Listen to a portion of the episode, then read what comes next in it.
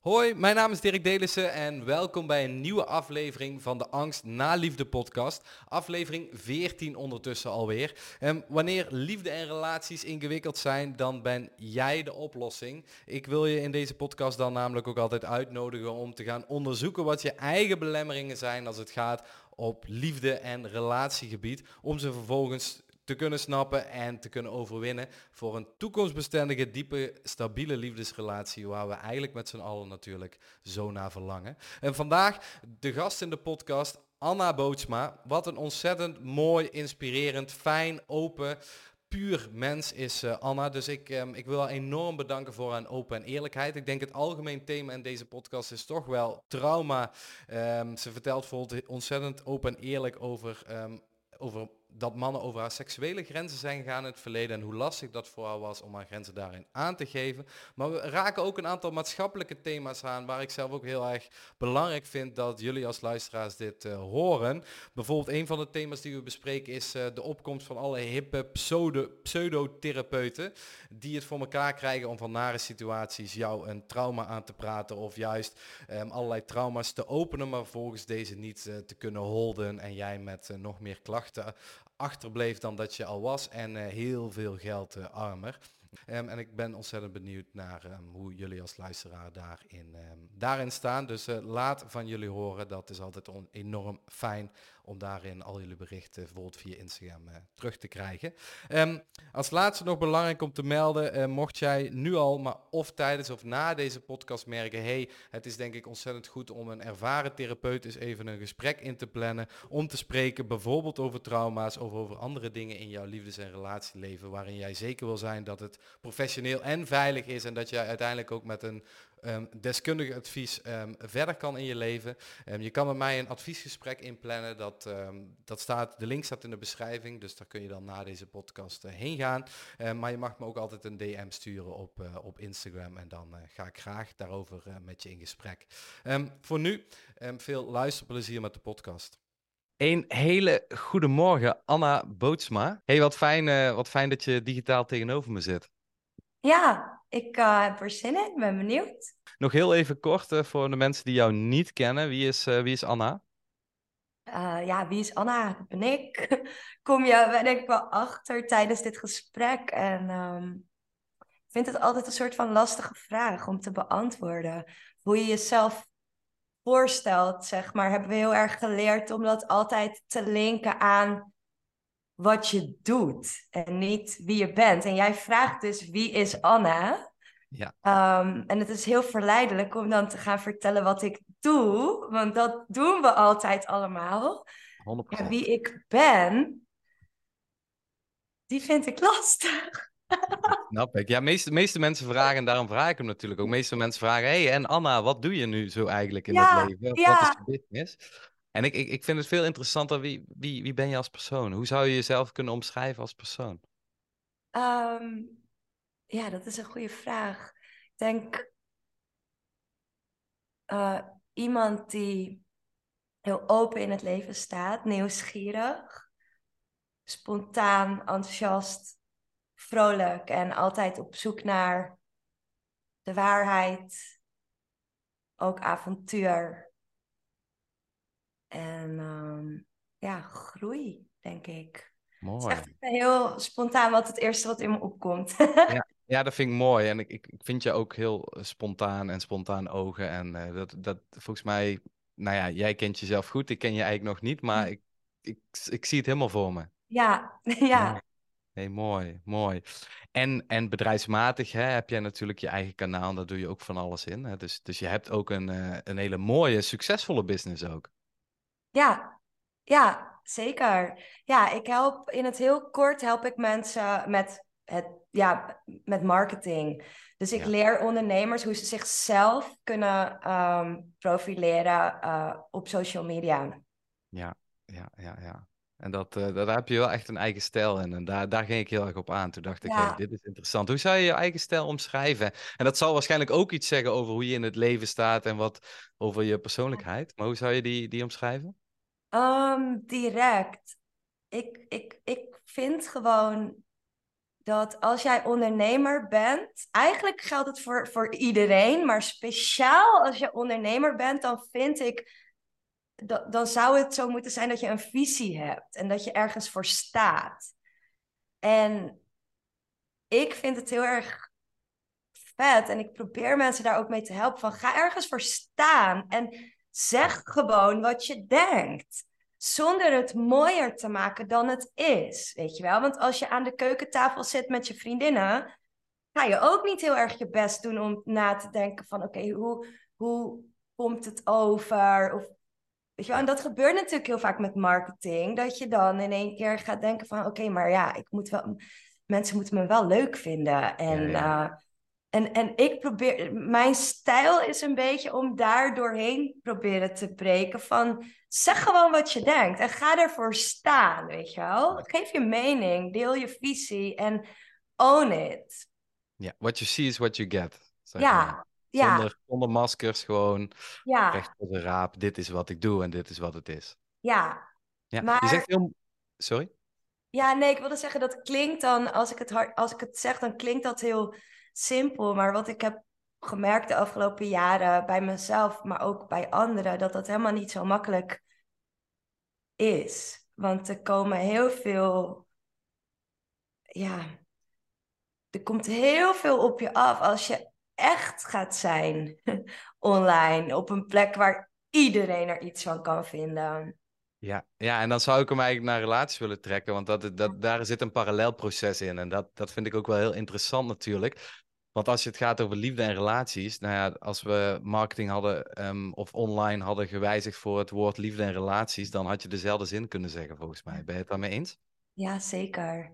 Dus, dus jezelf laten zien en helemaal authentiek en echt kunnen zijn is best wel lastig. Ja, want, wat want je wil natuurlijk dat iemand je leuk vindt. Dus wat ga je doen? Je gaat ook de leukste versie van jezelf ga je ophangen, zeg maar. Ja, ja. herken je die? Heb je, is, dat, is dat wel een thema voor je geweest of misschien nog steeds? Uh, ja, zeker. Ehm, zeker. Ik denk dat ik altijd wel. Kijk, dit is bij mij in, op gebied van persoonlijke ontwikkeling is echt helemaal de afgelopen jaren, ja, het afgelopen jaar, de afgelopen twee jaar heel veel veranderd. Maar op gebied van relaties denk ik dat ik altijd wel heb geprobeerd om mij aan te passen aan een ander. Weet je wel, om te zorgen dat hij mij maar leuk zou blijven vinden. Nou ja, ik ben single, dus ik weet al, dat heeft in elk geval nooit gewerkt. Dat heeft niet gewerkt, nee. En kun je daar een voorbeeld van geven? En, en besefte je dat toen ook al? Of is dat met terugwerkende kracht dat je nu besefte van... hé, hey, ik paste me altijd maar aan? Ik denk dat ik het diep van binnen toen ook wel wist. Maar ik had niet de, de skills, denk ik. Of ik had niet... Ik, ik, kon, ik wist niet hoe ik, hoe ik dat kon veranderen. Um, nu heb ik die skills geleerd. Dus nu, nu heb ik geleerd om echt te zijn en mezelf te zijn in elke situatie.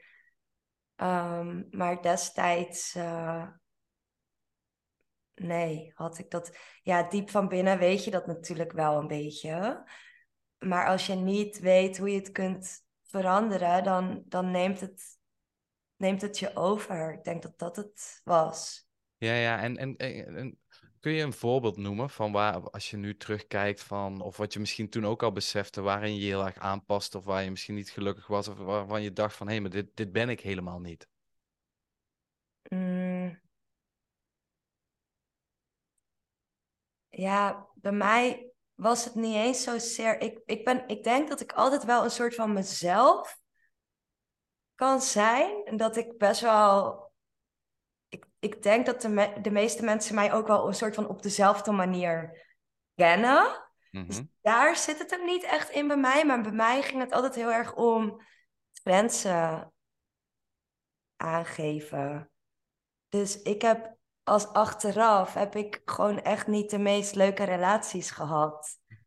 Ehm, waarin ik nu denk, oh, hoe, hoe, ver, hoe ver kon je dat laten komen, weet je wel? Maar dat ik gewoon zo weinig zelfliefde had en zo het gevoel had van dat ik niet goed genoeg was, dat ik altijd maar nog meer mijn best ging doen en daarin heel erg over mijn grens heen ging. Ik denk dat het daar voor mij er meer in zat. Ja.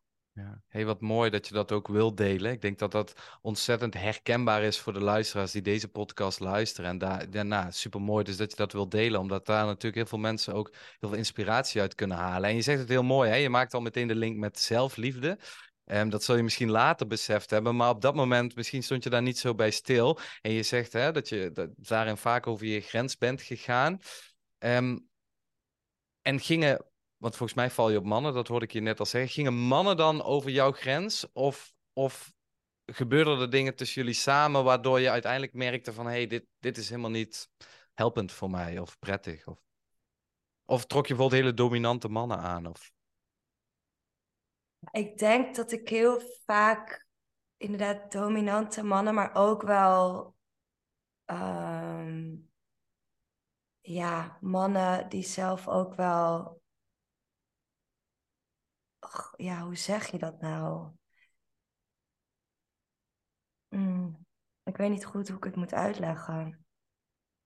Ik, uh, ik denk dat die mannen gewoon echt over mijn grens heen gingen. Mm, ja. En dat ik het liet gebeuren. Ja. ja. Ja, Wil je daar een voorbeeld van geven? Um,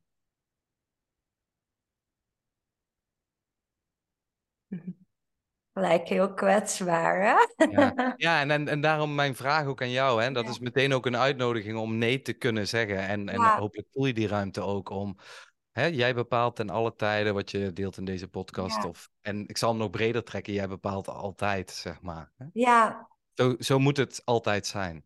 Ja.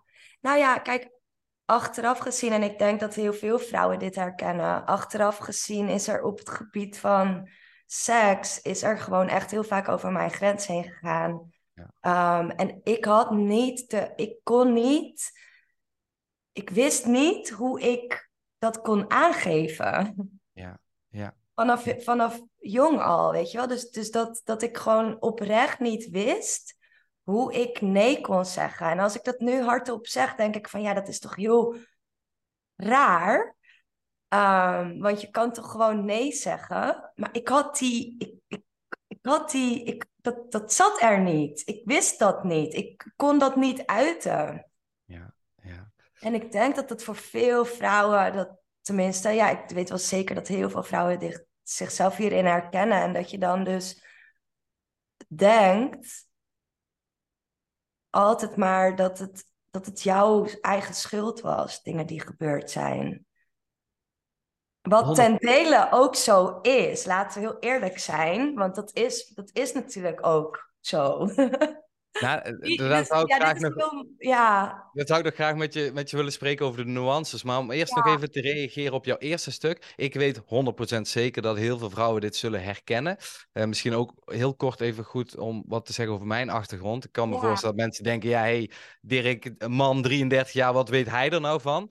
Kijk, ik werk sinds 2009 voor de Nederlandse GGZ ook, naast mijn eigen praktijk. En ik werk al meer dan tien jaar met mensen met forse trauma's en ook gerelateerd op seksueel gebied. En ik werk voornamelijk met ook jonge vrouwen. Um, dus ja, vanuit professioneel kader heb ik daar al zoveel jaren mee te maken. En wat ik herhaaldelijk echt hoor, en dat omschrijf je ontzettend eerlijk en goed, is dat bijvoorbeeld een vrouw zich schuldig voelt omdat ze zelf geen nee hebben gezegd. Terwijl dat het dus niet um, zo zwart-wit is, absoluut niet. Want sommige mensen komen bijvoorbeeld uit een gezin waarin bijvoorbeeld nooit um, hele realistische grenzen waren. Dus waarin mensen bijvoorbeeld nooit geleerd hebben van... hé, hey, hoe kom je nou echt goed voor jezelf op? Omdat vader of moeder dat ook bijvoorbeeld lastig vond. Of hè, om maar een voorbeeld te noemen. Dus ik zeg altijd, als je dat nooit echt geleerd hebt... en, en, en dan kom je in een liefdesrelatie, ja, weet jij veel. En als je gewend bent om je altijd aan te passen... Hè, dus is het jouw schuld? Nee. Dus, dus jij zegt net, ja, dat is eigenlijk ook wel zo. Kijk, er zit altijd een stukje in waarin het natuurlijk belangrijk is om later naar jezelf te kijken van hé, hey, en wat is mijn aandeel daarin geweest? Maar wel met liefde en niet met een hele kritische, neerbuigende blik van het is mijn schuld geweest, maar volgens mij wel meer van hé, hey, en wat heb ik hier dus in te leren? Hoe zie jij dat? Ja, helemaal eens. En ik bedoelde daarmee ook, zeg maar, ehm, want dit is, het is natuurlijk een heel gevoelig onderwerp en er zitten heel veel nuances in. Dus daar moet ik ook wel duidelijk in zijn. Kijk, op papier, theoretisch gezien, zou je kunnen zeggen van, ja, maar je hebt geen nee gezegd. Dus ja, je hebt, want, want er wordt ook vaak heel makkelijk eh, de mannen de schuld gewezen, weet je wel. En dat vind ik niet altijd terecht. Anderzijds, als jij nooit geleerd hebt hoe je inderdaad je grens kunt aangeven en kunt bewaken, dan kun je daar helemaal niks. Kijk, kijk met, de, met de kennis en ervaring die ik nu heb, zou ik het anders aanpakken. Maar toen had ik dat niet. Toen had ik dat niet. En daarom is het inderdaad wel dat ik heb geleerd, en nog steeds, het is nog steeds heel moeilijk hoor, om mezelf daarvoor in elk geval te vergeven. Of in elk geval niet zo hard daarvoor te zijn. Want ik, toen kon ik er echt niks aan doen. Maar het is ook niet altijd zo makkelijk om te zeggen. Oh, die mannen die hebben mij dat aangedaan. Weet je wel? En daar zit de nuance aan. 100%. En je zegt twee hele belangrijke dingen. In het eerste deel van wat je zegt, daar zou ik graag op terug willen komen. Het is echt cruciaal. Je zegt heel erg goed, hè, van het is dus een wisselwerking tussen twee mensen. En ik leg ook vaak uit van, stel je hebt bijvoorbeeld een man en een vrouw. Het is de, een vrouw probeert, of een man en een vrouw, beide hebben ergens een verantwoordelijkheid om zo goed als mogelijk grenzen aan te geven. Maar de ander heeft ook de verantwoordelijkheid, in mijn opinie, om wel aan te voelen bij de ander van waar zit die grens. Hè? Dus, dus um, soms zie je bijvoorbeeld in situaties dat mannen tegen willens of wetens over een grens zijn gegaan van de ander en de ander het niet aan heeft durven geven, maar die man in heel veel signalen zou moeten hebben kunnen voelen, merken van, hey, volgens mij vindt ze dit niet fijn of volgens mij gaat het niet.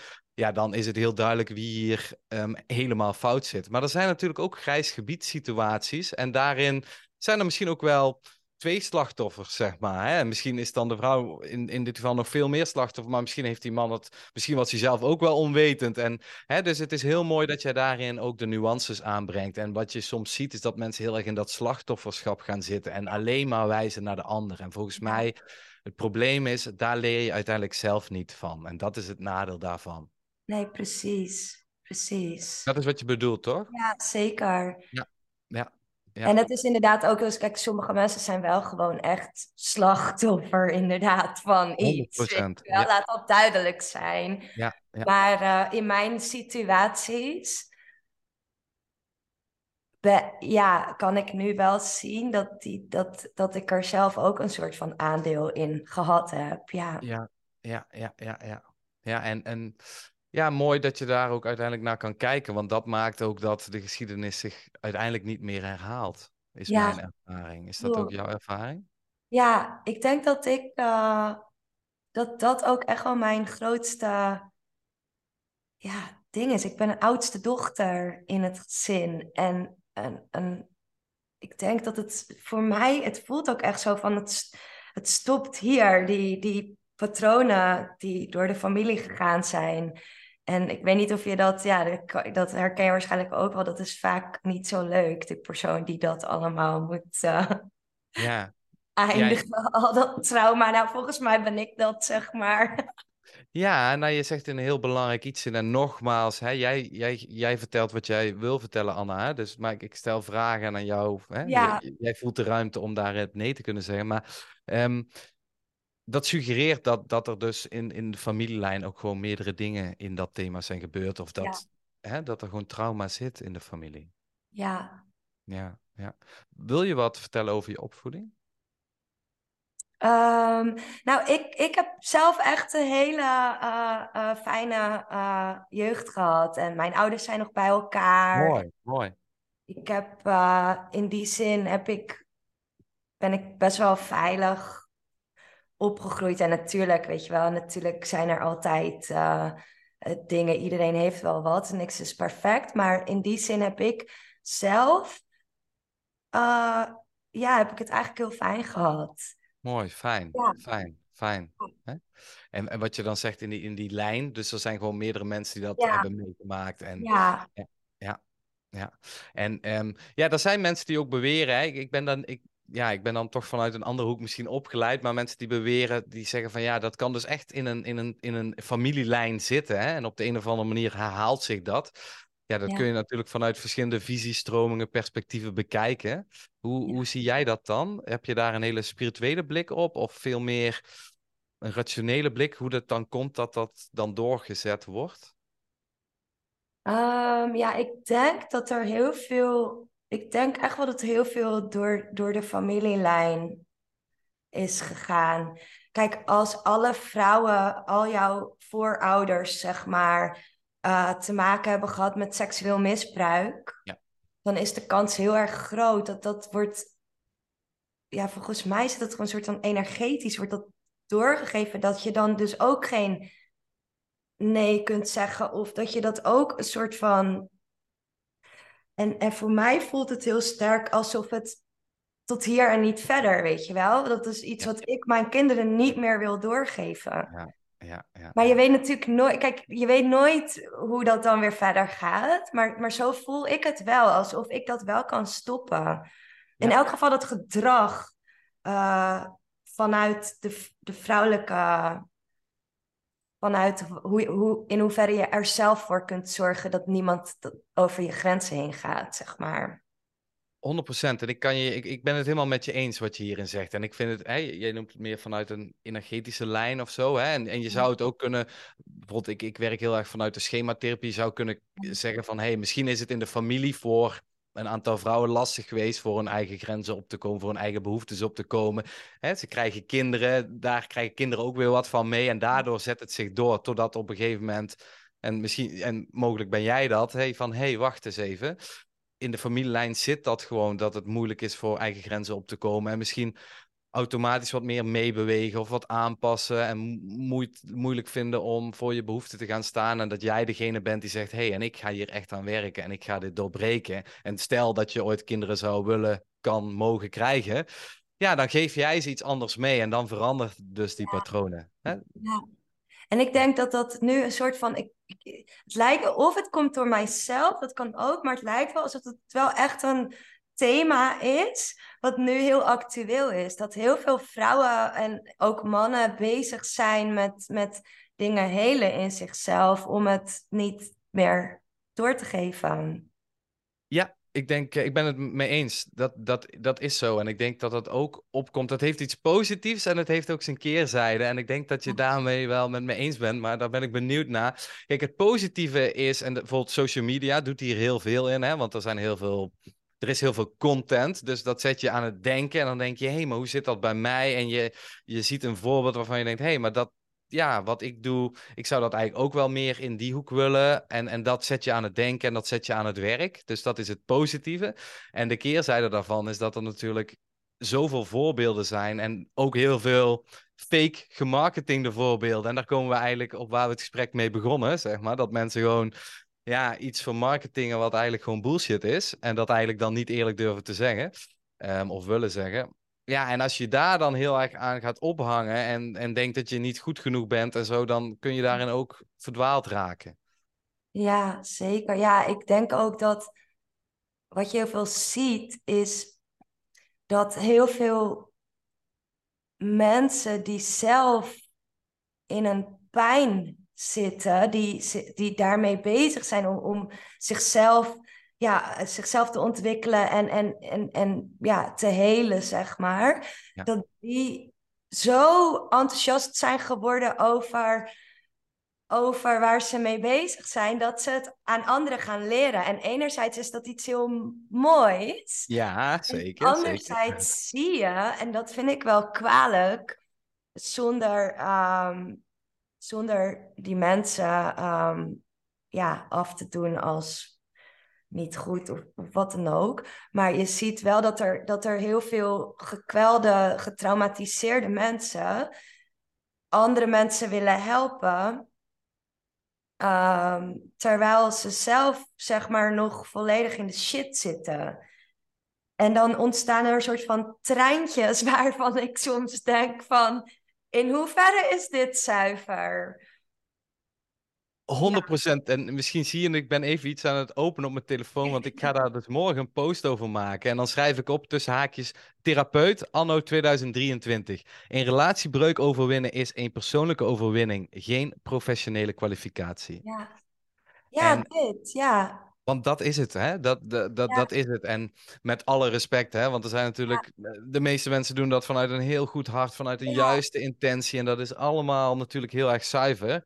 Um, maar ja, ik zie daar ook wel um, ja, schadelijke dingen in gebeuren. Omdat, kijk, wat, wat, wat voor de een werkt om bijvoorbeeld op een andere manier om te gaan met een aantal traumatische gebeurtenissen, uh, of nare gebeurtenissen in je leven, hoeft niet voor de ander te werken. En ja, en, en wat, wat denk ik het verschil is met bijvoorbeeld een ervaren therapeut, die, die, die ziet, die kan veel meer ook, ook diagnostisch kijken, zonder het te, op een negatieve manier te labelen, met allemaal termen te strooien, maar meer van, hé, hey, wat gebeurt er nu werkelijk en wat heeft die ander nodig? Dat je helemaal snapt hoe het bij de ander werkt, in plaats van dat jij de ander oplegt wat voor jou heeft gewerkt. En dat maakt volgens mij het verschil. Dat ook. En, en je kan inderdaad, kijk, iedereen kan een soort van beerput bij iemand openhalen. Ja. Door bepaalde vragen te stellen. En, maar er zijn niet veel mensen die ook de draagkracht hebben om vervolgens jou te kunnen steunen als die beerput openkomt. En daar heb je echt therapeuten voor nodig. En, en ik spreek echt uit ervaring, want vorig jaar is bij mij die hele beerput open gegaan. En toen had ik twee heel ervaren therapeuten achter me staan. En dan had ik ook niet een ervaringsdeskundige, zeg maar, voor. Die, die, dat, was, dat was echt heel heftig. Dat, daar heb je echt die draagkracht voor nodig. En iemand die daar voor in getraind is, zeg maar. Ja, amen. Ja. 100% mee eens. Dit is zo ontzettend belangrijk. En wat jij hierin zegt en hoe, op de manier hoe je het zegt, is precies wat het is. Kijk, Tegenwoordig zijn er ook heel veel die noemen zichzelf trauma healers en die zitten helemaal in de spiritualiteit, hebben geen gedegen achtergrond, hè, hebben geen psychologie gestudeerd of hebben geen ervaring in de geestelijke gezondheidszorg. En die gaan dan met de beste intentie met iemand aan de slag. En je breekt iets open, want dat zeg je ook, en dan gaat die beerput open, maar kunnen dat helemaal niet holden en weten ook begot eigenlijk niet wat er dan gebeurt en hoe ze daarmee om moeten gaan. Ik heb bijvoorbeeld uh, drie weken geleden een nieuwe, nieuwe klant gekregen. En die, um, ja, die kwam ook van, van een therapeut die wat meer in het spirituele pad zat. Maar dat, ja, zij was gewoon echt getraumatiseerd, zeg maar. En zij zei, ja, op een gegeven moment merkte ik echt dat ik letterlijk het idee had dat ik wat begon te zweven. En dat ik steeds meer heel licht werd in mijn hoofd. Kijk, deze vrouw was gewoon bijna tegen dissociatie aan. Maar deze, mm. deze spirituele healer, die, die weet dat niet wat dat is. En die weet ook niet precies wat er gebeurt. En dat is gewoon schadelijk. Iemand zit gewoon voor zijn PTSS en heeft gewoon professionele hulp nodig. En dat, dat, ja, dat is wel ehm, waar het dan misgaat. Dat is ook zoiets waar ik. Ehm, al die. Kijk, het is ook een soort van ding geworden op social media. Inderdaad, dat je jezelf. Ik weet niet hoe jij dat ziet, maar dat je jezelf helemaal moet healen. En dat je en dan denk ik wel eens van ja, maar ik ben ook gewoon een mens, weet je wel. Ja, ik bedoel, ik kan niet triggervrij zijn. Ik, ik, volgens mij is dat ook helemaal niet iets wat je moet nastreven. Dat je helemaal geheeld bent en dat je helemaal. En in die New Age spiritualiteit heerst er wel zo'n soort ding, ja, waar, ja, dat ik denk van, ja, weet je, is dit wat, wat het is of zo, weet je, mag ik ook gewoon nog mens zijn? 100% mee eens. En je, ik zeg altijd, het probleem is niet dat we triggers hebben. Het probleem is niet dat we een ander raken of de ander ons raakt.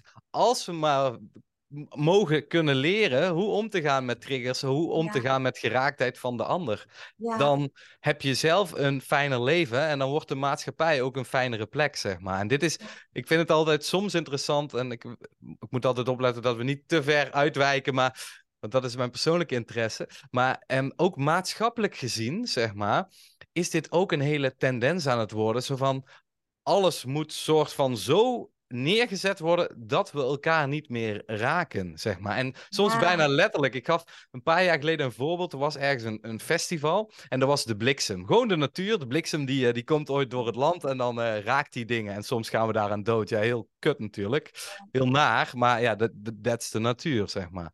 Ehm, maar die bliksem was op een festival geslagen. En dat was dan zo net zo binnen die, binnen die, je kent dat wel, die hekken. En dat was dan net binnen dat festival. Als dat twee meter daarbuiten was geweest, dan was het de natuur. Maar als het dan op dat festival was, dan, ja, dat was toch echt schandalig. En, en schade, festival en allemaal belachelijk. Want hoe had dat mogen kunnen gebeuren? En dan moeten we dit doen, want dit mag nooit meer gebeuren. En dan denk ik, hier wordt letterlijk dus iets geraakt, zeg maar. Maar hey, mensen, dit is het leven, dit is de natuur. Het probleem is niet dat we iets creëren waarop we dus nooit meer geraakt mogen worden. Tranquilo, rustig aan.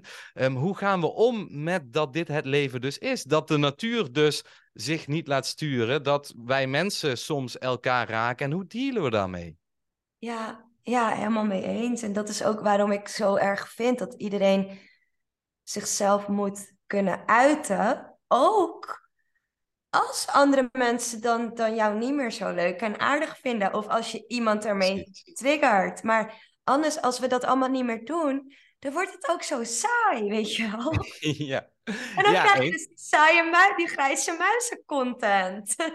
Ja, mooi. En mooi dat je het woord grijs gebruikt. Nou is er um, een man die ik uh, enorm waardeer, je zult hem ook wel kennen, Tibor. Echt respect voor, uh, voor Tibor. En die zegt eigenlijk, Hè, zonder hier een giga-discussie op gang te brengen. Maar, maar Tibor zegt eigenlijk, ja, als we zo doorgaan, dan krijgen we dadelijk een genderloze, meningloze, grijze massa, zeg maar. Waarin niks meer gezegd moet worden en alles en iedereen maar van alles kan.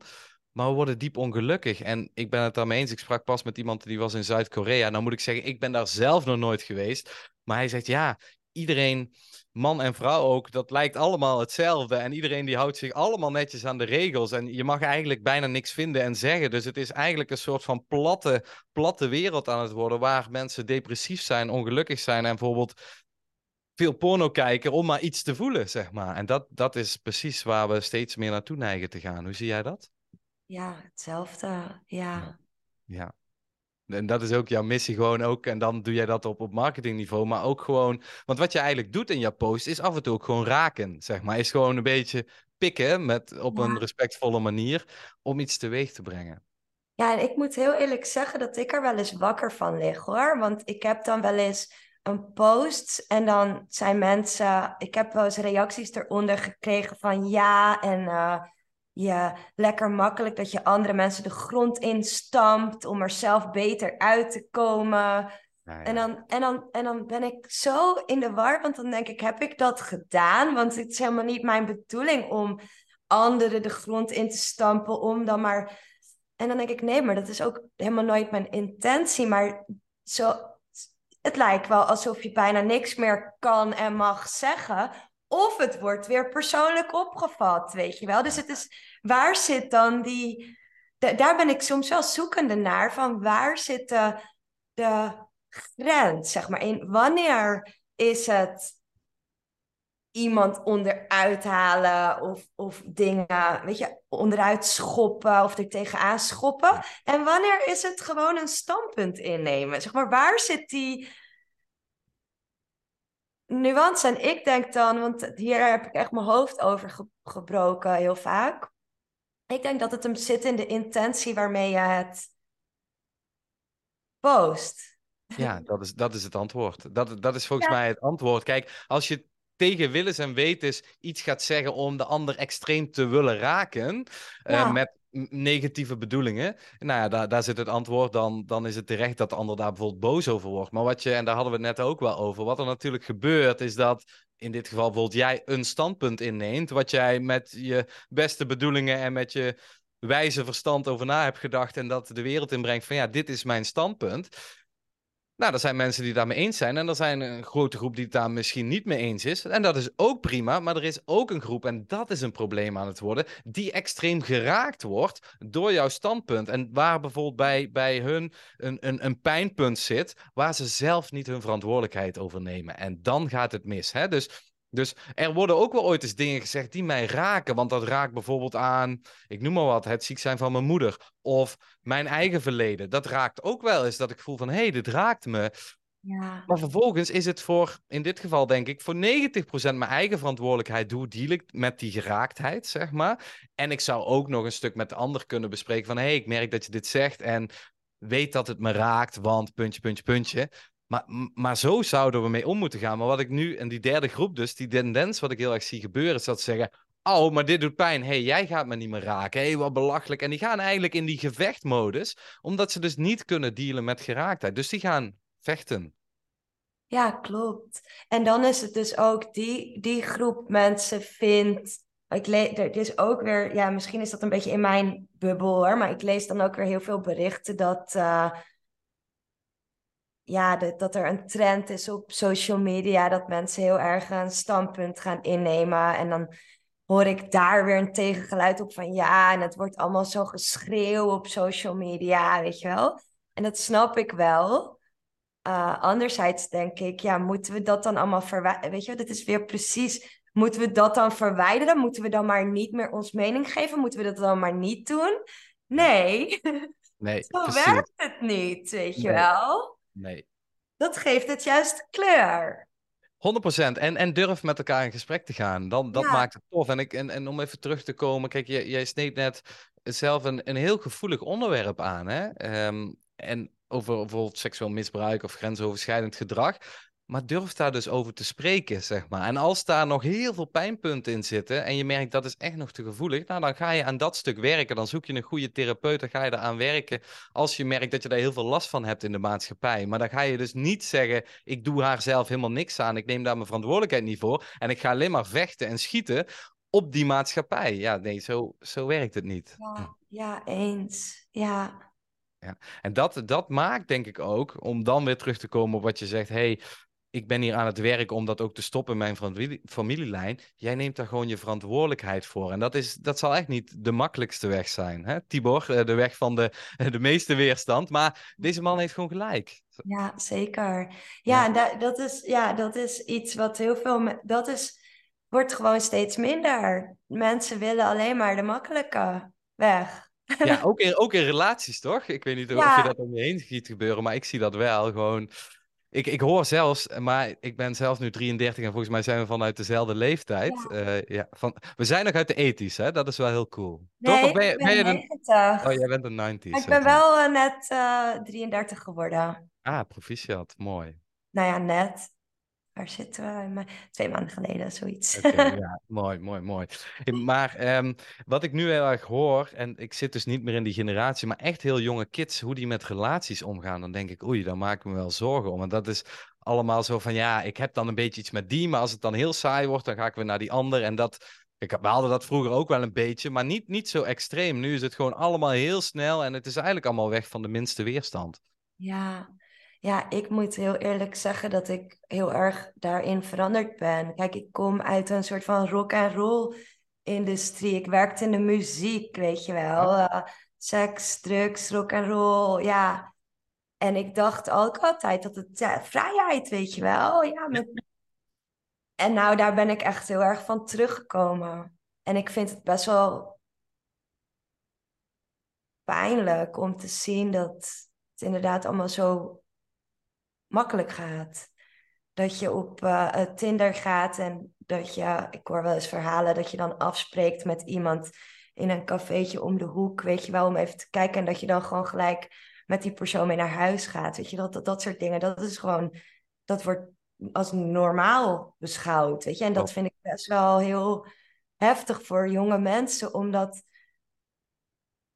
ik nu zelf zie hoeveel schade mij dat eigenlijk heeft uh, ja, aangebracht. Ja. Terwijl ik toen dacht, ja, weet je wel, ja. En nu, maar nu word ik ouder en nu zie ik dat, dat, niet, dat ik daar ook wel een soort van spijt van heb en zo. Ja, uh, been there, done that, zeg maar. Ja, ja super herkenbaar en misschien interessant. Ik, ik heb twaalf jaar in een punkrockband gespeeld, dus wat je net oh, zegt herken ik ontzettend goed. We hebben echt uh, ja, door Europa getoerd en uh, een plaat opgenomen in de US en zo. Dus, dus ik ken die wereld met de seks, drugs en rock'n'roll echt ontzettend goed, denk ik maar los van die wereld, ook al zat je niet in de wereld, ik denk dat, dat heel veel mensen dat herkennen. Hè? Op Tinder zitten, even snel een, een seksdate, zeg maar. En, dat je, en dat je ouder wordt en dat je ziet van, hé, hey, maar is dit vrijheid of leegte? Dat is, dat Ja. is waar ik de afgelopen jaren ook heel erg mee bezig ben geweest. Ook op het gebied van reizen. Ik zou hem nog breder willen trekken. Ik, zat, ik was echt zo'n forever traveler, zeg maar. Oh, ja. En, en op een gegeven moment besef je echt van hè, meer en beter en zo. En, op, en uiteindelijk heb ik echt een paar jaar geleden besloten, ik wil minder en beter. Ik wil minder en beter, want ik was, ik was, was dat nou werkelijk vrijheid? Nee, dat was, was meer leegte. Dat was Ja. meer leegte. Nou, het is natuurlijk vandaag bevrijdingsdag en ik zat daar net over na te denken, precies over dit. Dat Ja. ik dacht altijd dat vrijheid was. Ook reizen, overal naartoe en leuke dingen doen. En weet je wel, ook in seks, vrijheid. En ik ben daar echt, nu denk ik, nee, dat, dat, is, in de, dat, is, dat is vaak ook vluchten van pijn. Eh, wat, je, wat je markeert als vrijheid, maar dat is inderdaad leegte. Vrijheid is denk ik veel meer gekaderd. Ja, helemaal mee eens. Ik, Ja. eh, ik heb een, ehm, a- alle credits naar Jeff Jeroens, is een, een, een coach die ik heb gehad voor mijn eigen bedrijf. En hij gaf mij een sporthanddoek en daar stond letterlijk op kaders geven vrijheid. Ja, Ja. super mooi, super mooi. Ik merk dat nu ook in mijn huidige liefdesrelatie. Ik heb verschillende relaties gehad en dat echt heel veel van geleerd. Ook fouten gemaakt en, en, en nou, van, van alles ook in, in, in gebeurd. Maar wat ik denk ik heel erg in mijn huidige relatie ervaar, is dat ik als man bijvoorbeeld ook op een gezonde manier kaders durf te stellen. En niet alleen als man, maar ook als mens. Hè? Want het geldt natuurlijk ook voor een vrouw. Dus dat ik veel meer durf te zeggen van hé, hey, ik heb eigenlijk dit nodig en ik wil eigenlijk zo'n soort relatie en dit vind ik belangrijk. En als de ander dat ook zo ziet, nou dan, dan begin je samen iets. Maar hoe mooi is dat om daar dus kaders in te hebben? Zeg maar. Dat zijn geen hele strenge regels of weet ik wat, maar wel van, hey, dit, dit, dit is het speelveld. Want als dat er niet is, ja, wat heb je dan eigenlijk? Nee, en dit is dus ook echt een soort van, ja, dat is dan mijn eigen soort van frustratie in de datingwereld, wat ik heel lastig vind, waar ik ook niet echt in zit, omdat ik me daarin niet, ja, ik weet niet, ik heb, ik, ik ontmoet dan mannen die dan altijd, die, di- di- het is allemaal te vrij, weet je wel? Ja, we Ja. zien wel waar het heen gaat. We zien wel, ja, wat wil jij? Ja, weet ik niet. Laat het gewoon leuk hebben. En ik kan dat niet, ik kan dat niet meer zo op die manier. En, en ben blij. Anna, ik zal zeggen, elke man die dat Hm. tegen, tegen jou zegt, dan weet je al, next, zeg maar. Dat is Ja. niet... Dat is om bijvoorbeeld even de term erin te gooien, maar dat is niet de gezonde masculine man. Want de gezonde masculine man die durft te kiezen, die geeft duidelijkheid en die geeft richting. Dus die zegt bijvoorbeeld, hey Anna, ik vond het een ontzettend mooie date. Ik, eh, ik, ik wil je graag beter leren kennen. Ehm, ja, sta je daarvoor open, zeg maar. En Ja. Waarop jij bijvoorbeeld kan zeggen, ja, ik sta er wel voor open, maar ik, ja, ik ben ook nog wel wat zoekende. Waarop hij misschien zegt van, ja, ik ook, hè. Ik wil je ook gewoon leren kennen. En ik weet natuurlijk ook niet precies waar het eindigt, maar ik ben wel op zoek naar een serieuze relatie. Dus dat is wel mijn insteek. Ja, dat is toch- dat. Dat is toch duidelijkheid, dat is toch richting. Maar die hippe hipsterboy uit eh, Amsterdam bijvoorbeeld, hè. Nou, nou ga ik natuurlijk chargeren, hè. Maar ja, wat wil die? Kijk, dat is een klein prinsje. Kijk, die wil gewoon lief gevonden worden door dames en die wil de vrijheid houden. Dus Ja. die rijdt eigenlijk op dat paardje door zijn, door zijn koninkrijk waar eh, papa nog koning is. En hij rijdt dan als een prinsje zo rond zo en hij wil een beetje aandacht van hier en hij wil daar een beetje leuk gevonden worden. Maar hij kan niet een serieuze relatie hebben. Hij kan dus pas koning worden als hij op een gegeven moment zegt: En jij wordt mijn prinses. Wil je dat ook? En die prinses zegt: Ja, dat wil ik graag. En dat hij dan denkt: Hé, hey, wat moet ik nu gaan doen om uiteindelijk mijn vader kunnen opvolgen op de troon, zeg maar. Dan Ja. moet hij keuzes maken. Dan moet hij goed voor zijn meisje zorgen. Dan moet hij het vertrouwen krijgen van het volk. Kijk, een man die tegen alle vrouwen zegt van ja, we zien wel hoe het loopt. Een andere man voelt zich daar niet betrouwbaar bij. Dus, dus stel, jij hebt een, ehm, je hebt een, een nieuwe vriend en je hoort dat al zijn vrienden ehm, een beetje van die vrije gasten zijn. Dan voel jij je waarschijnlijk wat onveiliger bij je vriend. Klopt dat? Ja, ja, Want dat zegt dus iets over hem. Als hij er dus voor kiest met allemaal van die vrije, Ja. vrije mannen gaan, wat zegt dat dus over hem? En dat geeft vervolgens jou weer onveiligheid over deze Ja. man. Dus ook die koning zal moeten denken, hé, hey, ja, ik kan niet meer met, ik kan wel goed zijn met alles, maar ik moet, mijn, ik moet goede vrienden om me heen hebben, want ik moet een goed netwerk bouwen, want het volk moet mij ook kunnen vertrouwen. En ik vind het Ja. altijd een hele mooie metafoor waar je duizend en één voorbeelden van kan geven. ja. En dit is wat ik vrouwen mee wil geven. Als je er zo naar kijkt, dan ga je dus zien van, hé, hey, wat is een man waar ik iets aan heb? Wat is dus een potentiële koning of misschien al richting een koning en wat is het prinsje? Ja. ja, en dat is ook echt iets wat ik heb geleerd de afgelopen jaar.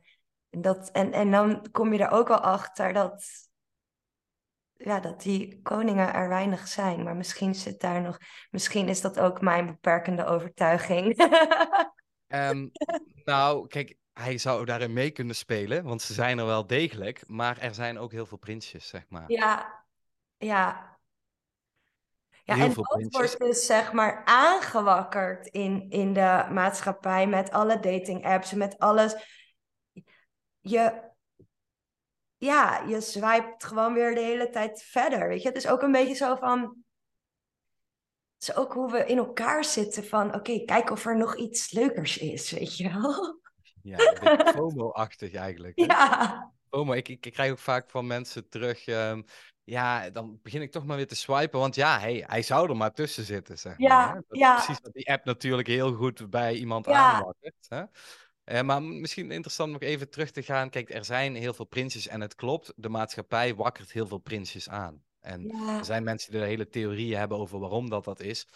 Ja, nou, daar kunnen we het uur over hebben, maar dat, dat is misschien minder relevant voor nu.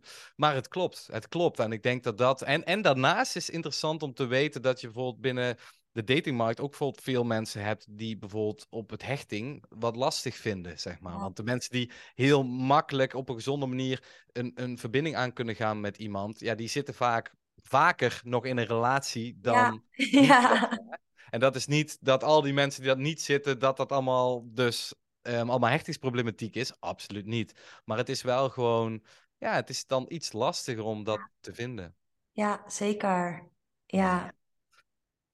Ja, mooi. En, en wat dus heel mooi is, we hebben het dan over de man gehad. En het mooie van de vrouw is dus ook hè, de reis van prinses naar uiteindelijk koningin. En ik vind, dat, um, ik vind die eigenlijk nog veel interessanter, want de koning is eigenlijk helemaal niet zo interessant. De koningin is de interessante. Kijk naar onze koning en koning, koningin, zeg maar. Ja, haal Maxima weg. En wat blijft er dan nog van uh, Alexander over? Koning Alexander, met alle respect. Ja, ja, ja klopt. Ja.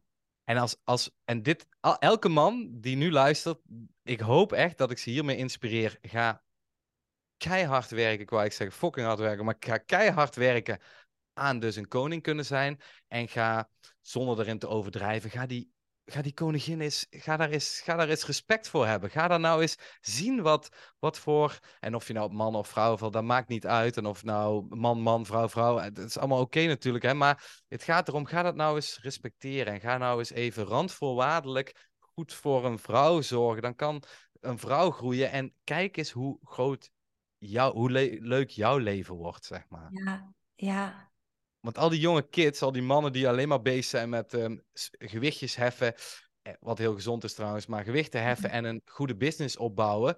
Maar vrouwen, nee, is allemaal niet nodig, ik wil zelfstandig zijn. Maar hey, hoe betekenisvol wordt jouw leven als je zo'n zo'n mooie prinses uiteindelijk samen kan groeien tot koning en koningin en je samen iets heel moois en iets waardevols bouwt, waarin er dus kaders zijn, daar zit de vrijheid en dat geeft je leven ook kleur. Ja, en dat is trouwens iets wat ik nog aan jou wilde vragen, want dat is iets Ehm, kijk, ik ben nu 33 en ik heb altijd geleerd van je moet eerst helemaal alleen gelukkig zijn voordat je dat samen met iemand kan. En nu kijk ik terug op jaren hiervoor en dan denk ik wel eens, volgens mij heb ik die zin iets te serieus genomen. Want in hoeverre kun je helemaal alleen gelukkig zijn? En is dat wat je wil nastreven? Of is het juist het geluk dat je samen met iemand bent, weet je wel? En, en daar heb ik een soort van, als ik nu jonge meiden en zo zie, zou ik. Ja, ik ben voor mezelf gegaan. Ik ben voor carrière gegaan en alles alleen willen doen en bewijzen dat ik het alleen kan doen. En dat ik alleen gelukkig kan zijn. En ik kom op een punt dat ik daaraan over begin te twijfelen van oké, maar oké, nu... En dat is wat je hebt gehoord in die podcast, van oké, nu heb ik dat allemaal. Ik heb een goed lopend bedrijf. Ik doe wat ik leuk vind. Ik heb een mooi huis. Ik... Maar er is geen man. nee, en dan gaat het niet zozeer letterlijk om die man of letterlijk Nee. om de relatie. Maar volgens mij wat jij heel erg mist, en dat zit echt in ons mens zijn, is die diepere verbinding, zeg maar. Die diepere Ja. verbinding en het, het samen iets liefdevols hebben. Iets, die, die, die, Ja. die diepe veiligheid, verbinding, liefde, geborgenheid, zeg maar. Ja, dat je het, ja, dat samen doen in plaats van alles alleen willen kunnen. Klopt. En- Ja, Klopt. Ja, ja. Nou kan ik hier uren met je over spreken. Ja. En ik vind hem heel mooi dat je hem inbrengt. Ik ga nog even een vervolgvraag stellen. Wat is, wat is concreet jouw vraag daarover? Dan kan ik hem iets toespitsen over... Ehm, hoe jij, wat, wat jouw eh, eh, visie is op het stampen of op het, ja, de zin die heel vaak gebruikt wordt van je moet eerst zelf helemaal gelukkig zijn met jezelf voordat je dat met iemand anders kunt zijn. Ja, hele, hele goede vraag. Nou, ik vind dat dat niet zo is, zeg maar. Dus het betekent niet dat je eerst helemaal af moet zijn om vervolgens dan iemand te zoeken. En dat kan je vanuit verschillende ehm, kanten kan je dat benaderen. Maar laat ik deze er eens inbrengen, die, wat die minder vaak ook ehm, om verteld wordt.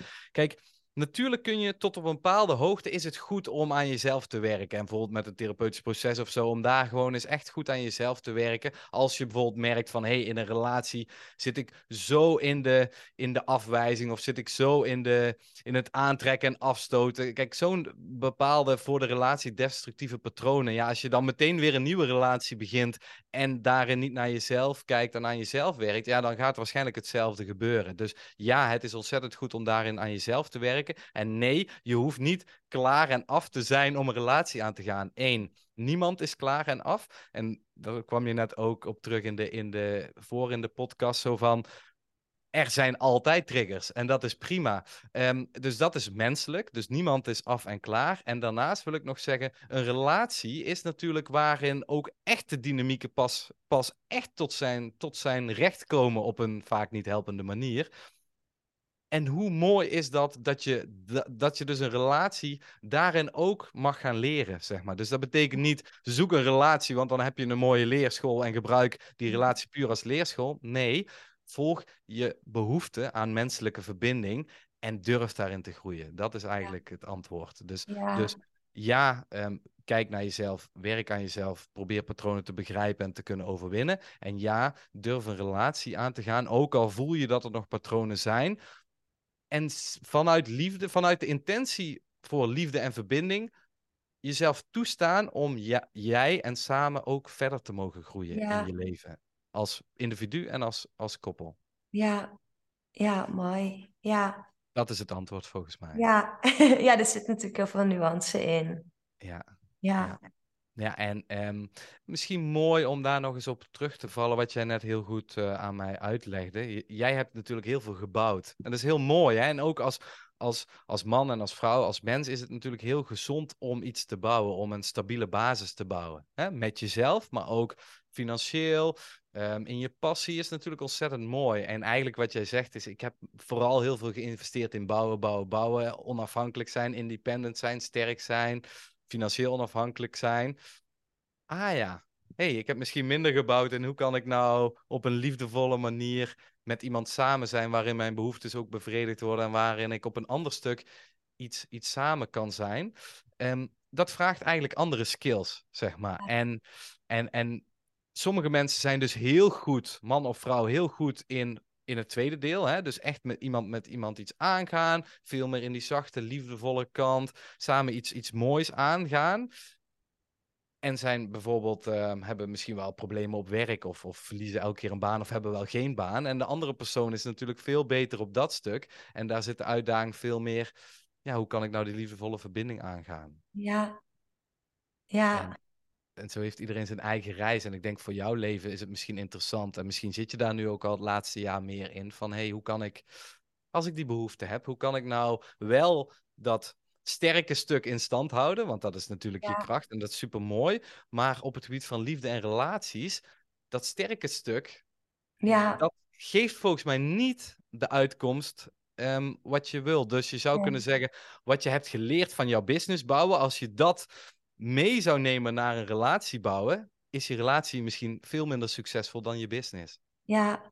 Ja, dit is, eh, dit is echt zo'n interessant onderwerp. Ik het ook vaak met vriendinnen over heb, weet je wel. Van enerzijds wil je die onafhankelijke vrouw zijn en maar en anderzijds wil je gewoon de vrouw van een man zijn. En, maar je zit op een gegeven moment zit je vast in een cirkel. Want het is heel moeilijk om dat, die dynamiek te veranderen, omdat je alleen bent. Dus ik moet voor mezelf zorgen. Ik moet mijn eigen geld verdienen. Ik moet zelf de keuzes maken. Ik moet sterk zijn.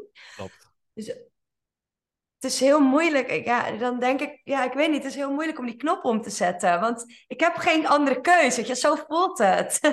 Ja. ja, en wat je dus bij dit stuk nodig hebt in je business, in je dagelijks leven, zeg maar, dat, dat zit er zo in en dat werkt goed. En ik denk, voor jou, hoe je dat omschrijft, de switch maken naar, hey, en nu ben ik aan het daten, of nu zit ik in een relatie, of nu ben ik iets bezig met liefde, dat vraagt een hele andere competenties, een hele andere skills en een hele andere, noem het, energie van je.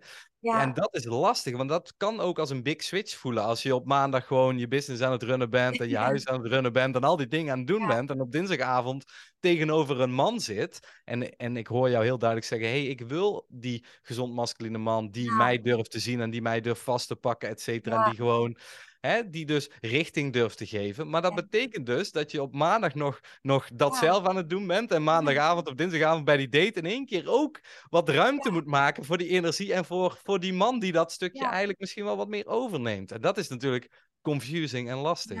Ja, ja. dat is super lastig. Herkenbaar?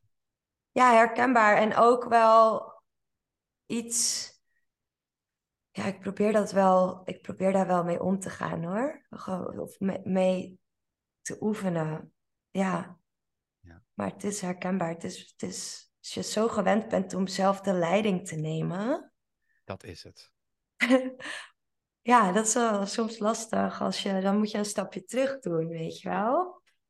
Ja. En hoe voelt dat? Want ik zie, ik, mensen die kijken, die zien dat. Ik zie dat ook aan je gezicht. Dan zie ik zo de zoektocht daarin. Klopt dat? Want je, je gaat letterlijk wat naar achteren zitten, zeg maar. En ik zie je ook letterlijk zoeken met je ogen. Ja, ik vind het oprecht. Ik heb me daar ook nog niet mijn weg in gevonden. Want ik, ik word daar onzeker van. Omdat ik ga denken dan, van dan kan ik niet meer mezelf zijn. Of moet ik dan bijvoorbeeld minder praten? Of moet ik dan niet zo groot doen? Ik ga het heel erg in allerlei dingen.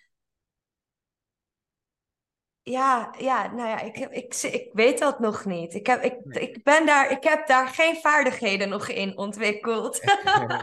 nee, ik vind het mooi. Ik zie de, ik zie de zoektocht. Mag ik dan geen mening hebben, weet je wat denk ik dan? Of moet ik dan... Weet je, ja, dat. Terwijl volgens mij zit het hem helemaal niet per se daarin.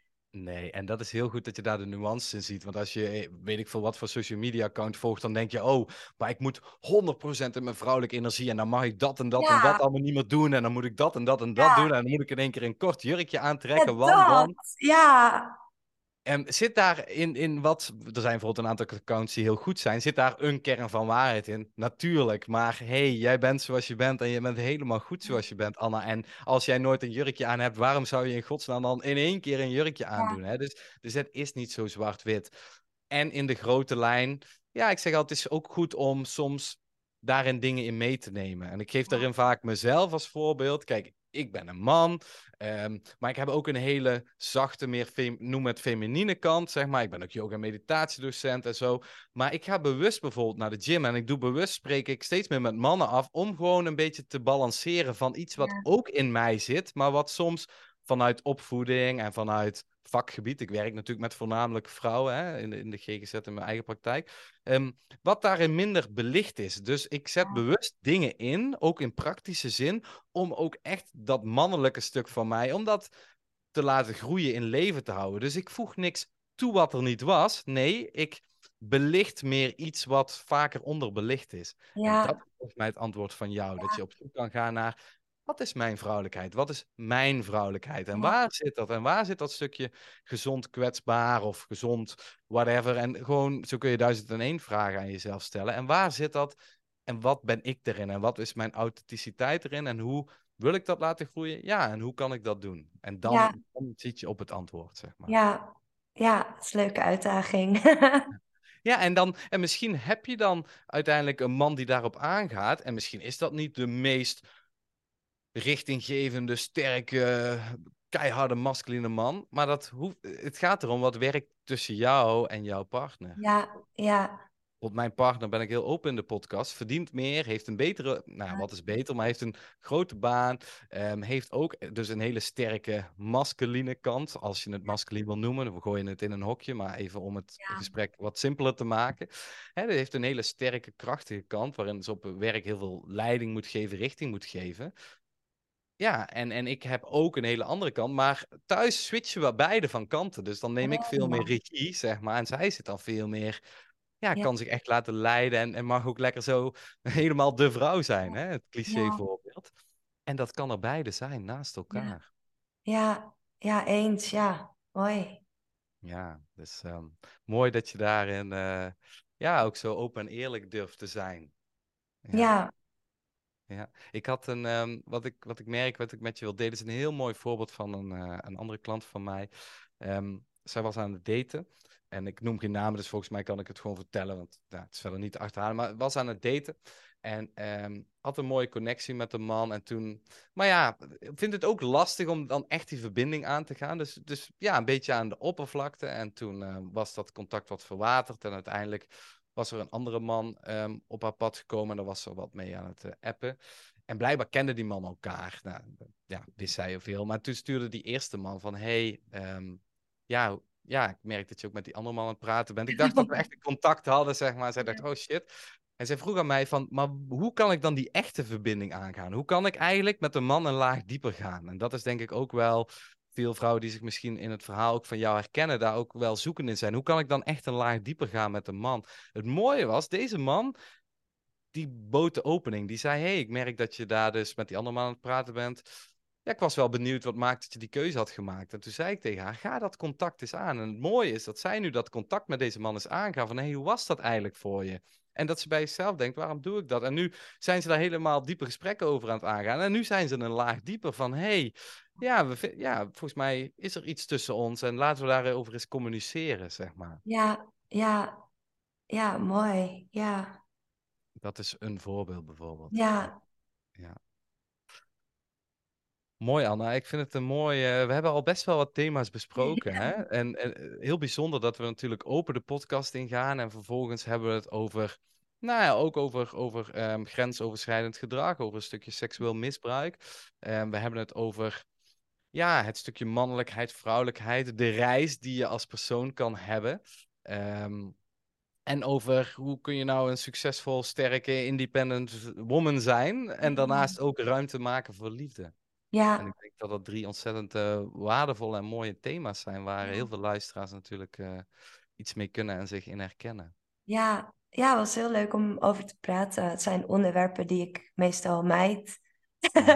ja. ja. En waarom? Waarom? Nou ja, ja, dat zijn gewoon heel gevoelige onderwerpen in mijn leven. Ja, ja. Hoe, hoe, voelt het nou voor je zo om daar in deze podcast over gesproken te hebben? Um, ja, oké. Ja. Ja. Mooi, mooi. Ja.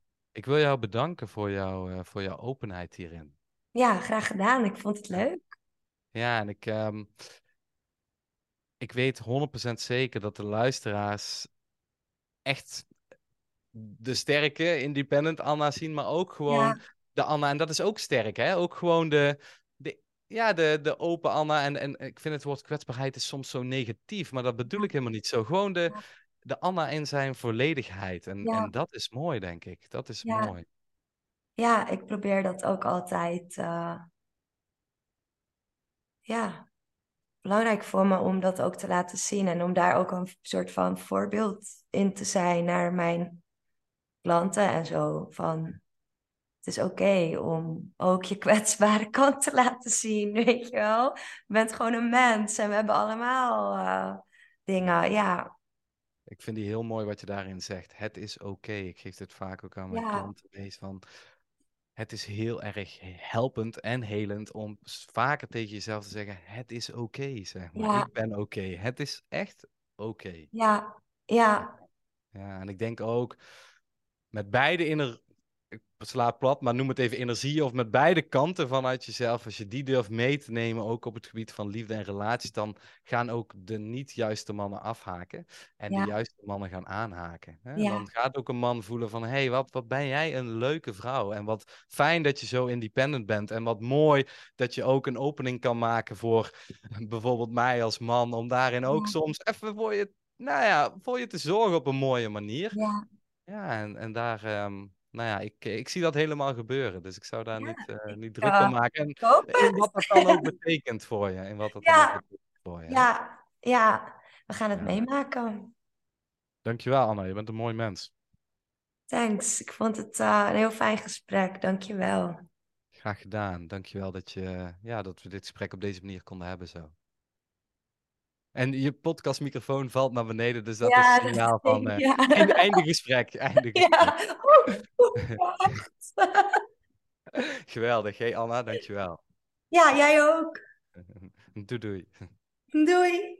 Yes, dat was u weer. Dankjewel um, voor het luisteren of bekijken van deze podcast. Nogmaals, dankjewel aan Anna. Wat een ontzettend fijn en mooi en inspirerend mens. En um, fijn dat ze zo open en eerlijk was en durfde te zijn in deze podcast. Nog even voor jou, als deze podcast jou misschien ergens geraakt heeft of aan het denken heeft gezet. Als je graag met een ervaren professionele deskundige therapeut wil spreken over bijvoorbeeld trauma's of over andere dingen die gebeurd zijn in jouw leven. Of als je vastloopt op het gebied van liefde en relaties. Um, stuur me een DM op Instagram. Ik help je ontzettend graag. Of als je al meteen een adviesgesprek wil inplannen, dat kun je doen op de link in de beschrijving.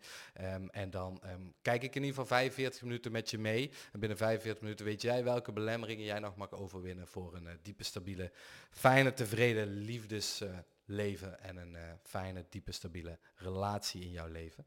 Um, dankjewel voor het luisteren. Ik hoop jullie weer snel te zien en te horen op Instagram en in de podcast app hier. Dankjewel.